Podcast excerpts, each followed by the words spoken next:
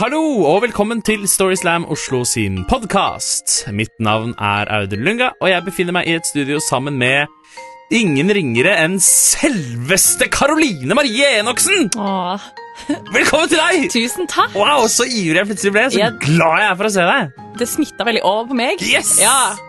Wow! ok. yes, Vi skal høre noen fortellinger, Audun. det skal vi. De ble fortalt på Kulturhuset eh, på vårt live-arrangement den 5. februar eh, i 2018. Var det riktig dato? Ja. Det var riktig dato. Og første forteller vi skal høre i denne episoden her, han heter Asker Døle Dybvik. Han tar oss med tilbake til en periode i livet da han var ganske ensom.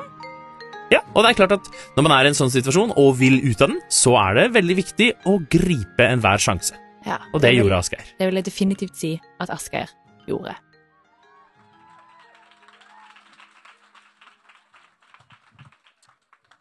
For en del år tilbake så hadde jeg en eh, periode hvor jeg var veldig ensom. Jeg hadde mer eller mindre gitt opp kjærlighet og tanken på at jeg skulle finne en dame, noen å være nær, noen å holde rundt. Men så kom jeg over en plakat for en eh, helgeworkshop i tantra. Jeg hadde ikke en sånn helt klar idé om hva tantra var. Men noen litt sånn Med noen bilder. Så tenkte jeg faen eller skal dette kan være løsningen. Så jeg meldte meg på. Eh, damen eh, som tok imot eh, bookingen, hun var veldig entusiastisk. Hun sa tantra er fantastisk. Det kommer til å endre livet ditt. Og I denne workshopen så går vi veldig dypt, veldig raskt. Strålende. Og Det var en uutholdelig lang vinter å vente på at datoen kom. Og Den tiden brukte jeg på å drømme om alle de fantastiske kvinnene jeg kom til å møte der. Som ikke bare var, bare var vakre, men også ville være sjelefrender. Så kom datoen. Og vi, eh, det foregikk på et yogastudio på vestkanten. Jeg kom dit, og det var, var litt overrasket. Det var en veldig sånn alminnelig samling mennesker som var der. Noen var kledd i gymtøy, andre i mer sånn, litt sånn eh, flagrende gevanter, litt sånn steinerskolestil. Eh, men så aldersmessig så var nok snittet en god del høyere enn det jeg hadde sett for meg. Så ja, jeg var litt skuffet. Men da så jeg henne. Hun var så nydelig. Sto der midt på gulvet med sånn eh, flommende blond, blondt hår eh, og sånn der yndig, rundt ansikt. Og ei kritthvit lindrakt. Så jeg bare fløt gjennom lokalet mot henne. Hun sto i en liten sirkel av folk og pratet. Og jeg fikk navnet hennes. Liv. Og akkurat idet jeg skulle liksom legge inn et ord, så kom det en sånn jævla irriterende fyr inn fra kanten. Sånn høy stake i sånne her eh, Bangkok-bukser. Kjøpt kjøp en eller annen eh, backpackertur. Og så hadde han langt hår som han drev og kastet på hele tiden. Og bare begynte å plapre i vei om seg og sitt. Og hvem var liksom interessert i det? Men så, så, så var workshopen i gang. Og Oppvarmingen var at vi skulle danse de demonene inni oss som holdt ut. De som holdt oss tilbake. Og De hadde et sånt pumpende an lydanlegg med transmusikk. Og den eh, eh, De første demonene som sto for tur, det var foreldrene våre.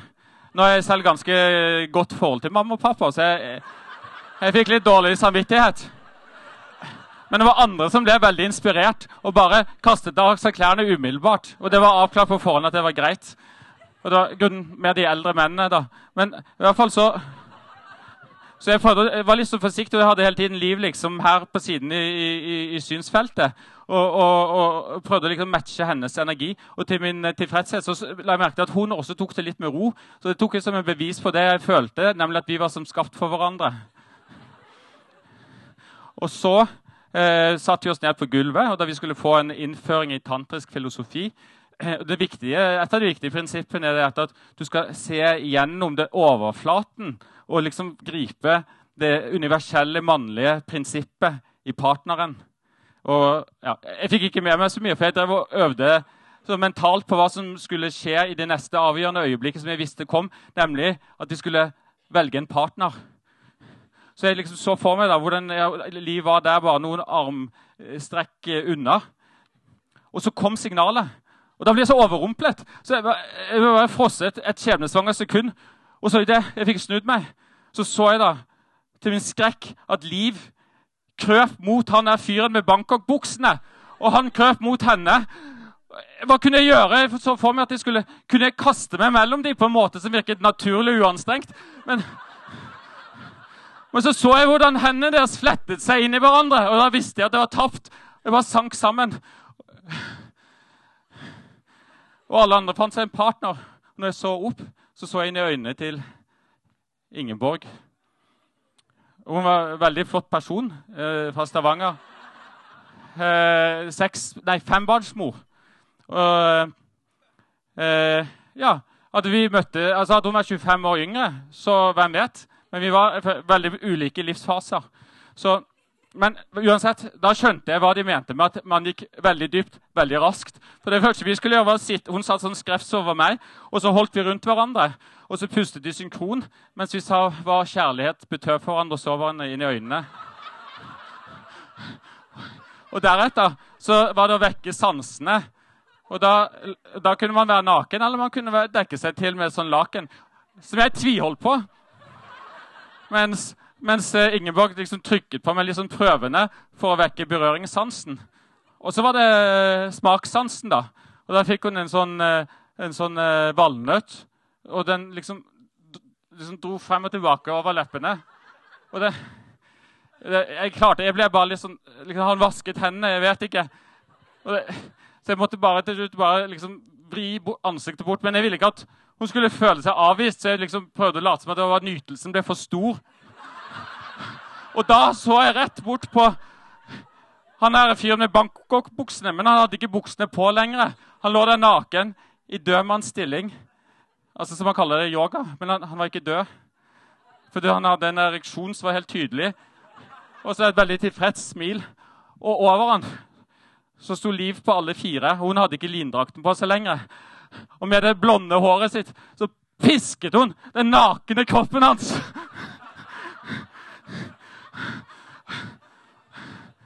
Så det ble helt ærlig bare litt for mye for meg. Jeg er veldig åpensinnet og liker å prøve nye ting. Men da bare måtte jeg snike meg vekk i, i lunsjpausen. Og så sendte jeg en SMS til, eh, til de som arrangerte. og sa dette var helt fantastisk! Jeg er så takknemlig.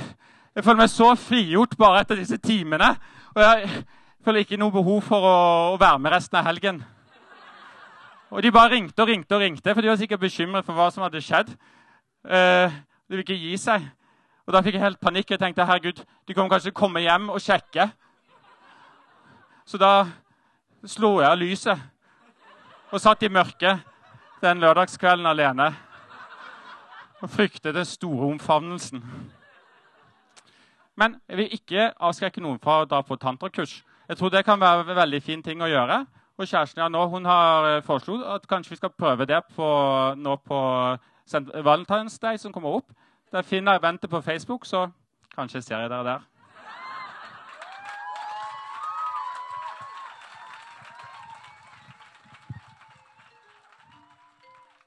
Tusen takk til Asgeir.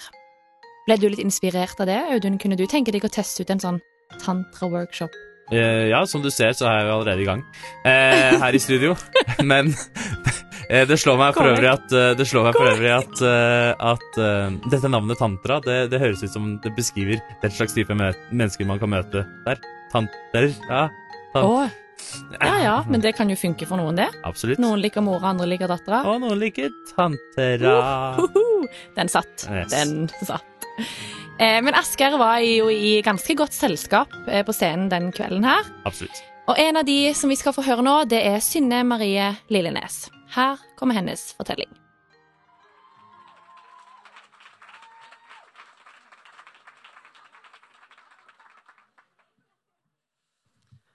Se for dere dette her. Synne, ti år, 1,52 høy og 49 kilo tung. et uh, lett mål, og både høy og brei for alderen. Et veldig lett mål. Og et mål som var i bruk hver dag. Hun mamma lurte alltid på hvorfor jeg ikke ville på skolen. Du som er så flink, Synne. Trives du ikke? Og hun eh, lurte også på hvor blåmerkene kom ifra. Og dem kunne jeg jo huske. Jeg husker enda blåmerkene og følelsen av varmt spytt med klumper i ansiktet. Og hvor liten jeg følte meg, ironisk nok, fordi jeg ble fortalt at jeg var for stor. For feit, ingenting verdt. At jeg aller helst bare burde gå og dø. Men mamma lurte på hvor de kom ifra. Og jeg løy jo og sa det at nei, jeg har trynt på sykkelen. Og jeg herpa gjerne opp sykkelen min litt ekstra bare for å støtte opp om min egen historie.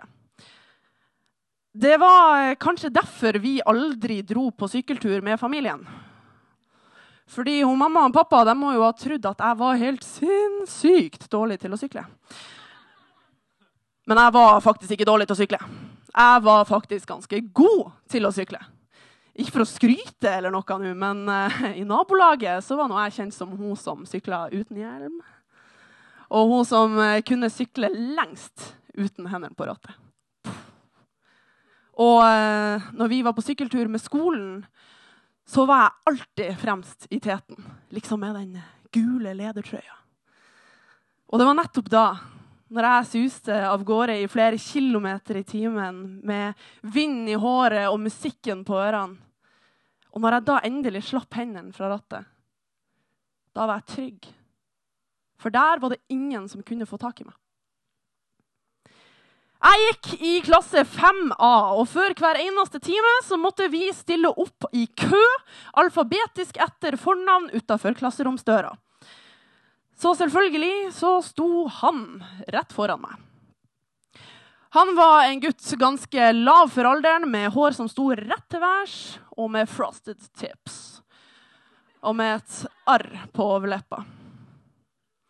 Og i dag som alle andre dager så kunne jeg kjenne de to velkjente fingrene som kleip meg hardt i armen og kom til å etterlate enda et blåmerke. Har du blitt feitere siden i går, eller, Synne? Jeg syns du bare blir feitere og feitere for hver dag. Det ble eh, hviska lavt nok sånn at ingen andre kunne høre det, men eh, høyt nok til at jeg ikke kunne unngå å høre det. Men jeg sa ingenting i dag heller. Og jeg gjorde ingenting i dag heller.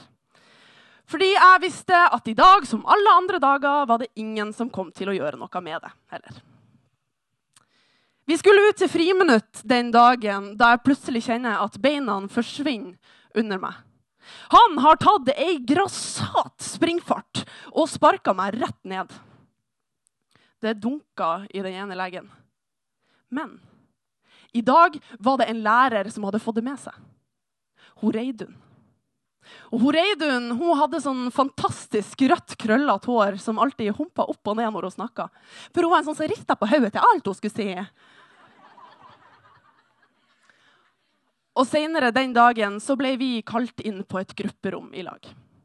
Vet du det at den den måten du behandler Synne på, det er ikke greit? Nei, det er ikke det. Nei, sånn oppfører man seg ikke. Nei, nei, nei, nei.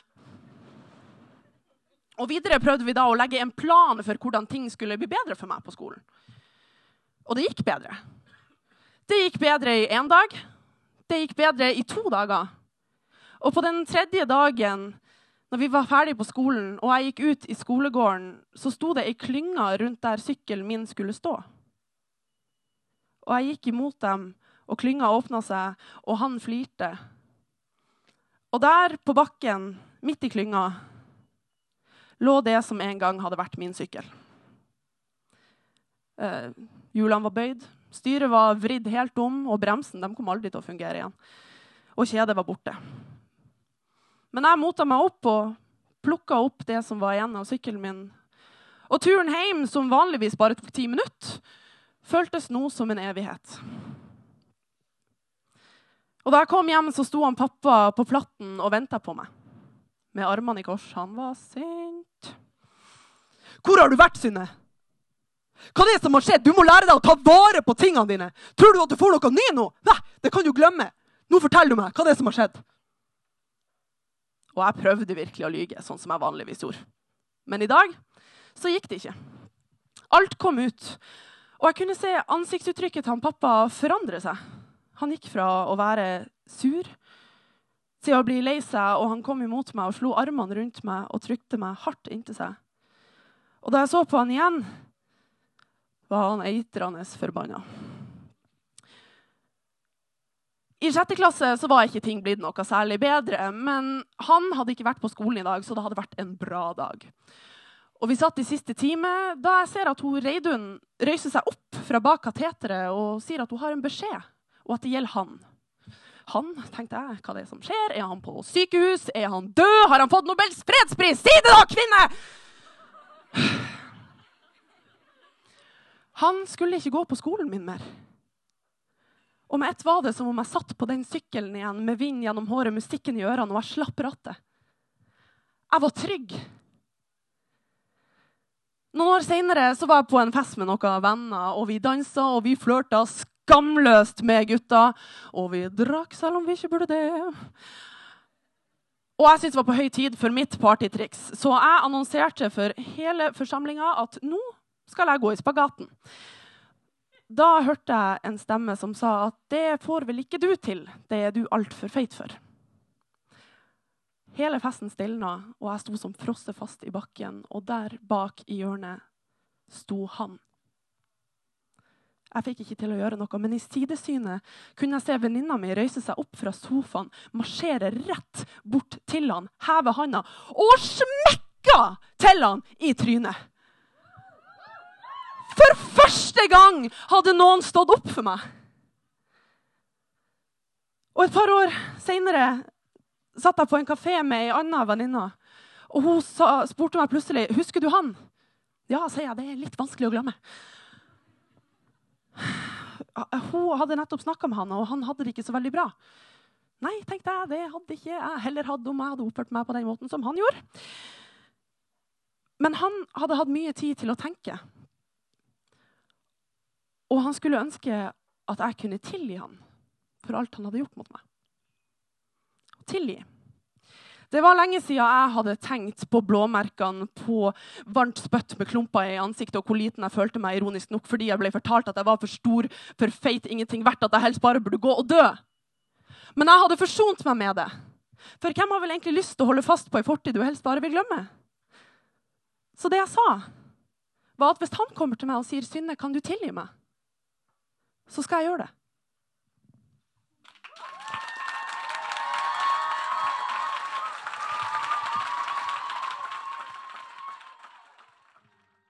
Tusen takk til Synne. Og neste Storyslam liveshow det blir på Kulturhuset i Oslo den 9. april klokka åtte. Mm. Det blir gøy. Det blir kjempegøy. Eh, og hvis du som hører på, sitter og tenker at du kanskje har en historie som du kunne tenke deg å dele med verden, så kan du jo ta kontakt med oss og bli med på en av våre workshops hvor du vil få hjelp med å utvikle din fortelling. Ja.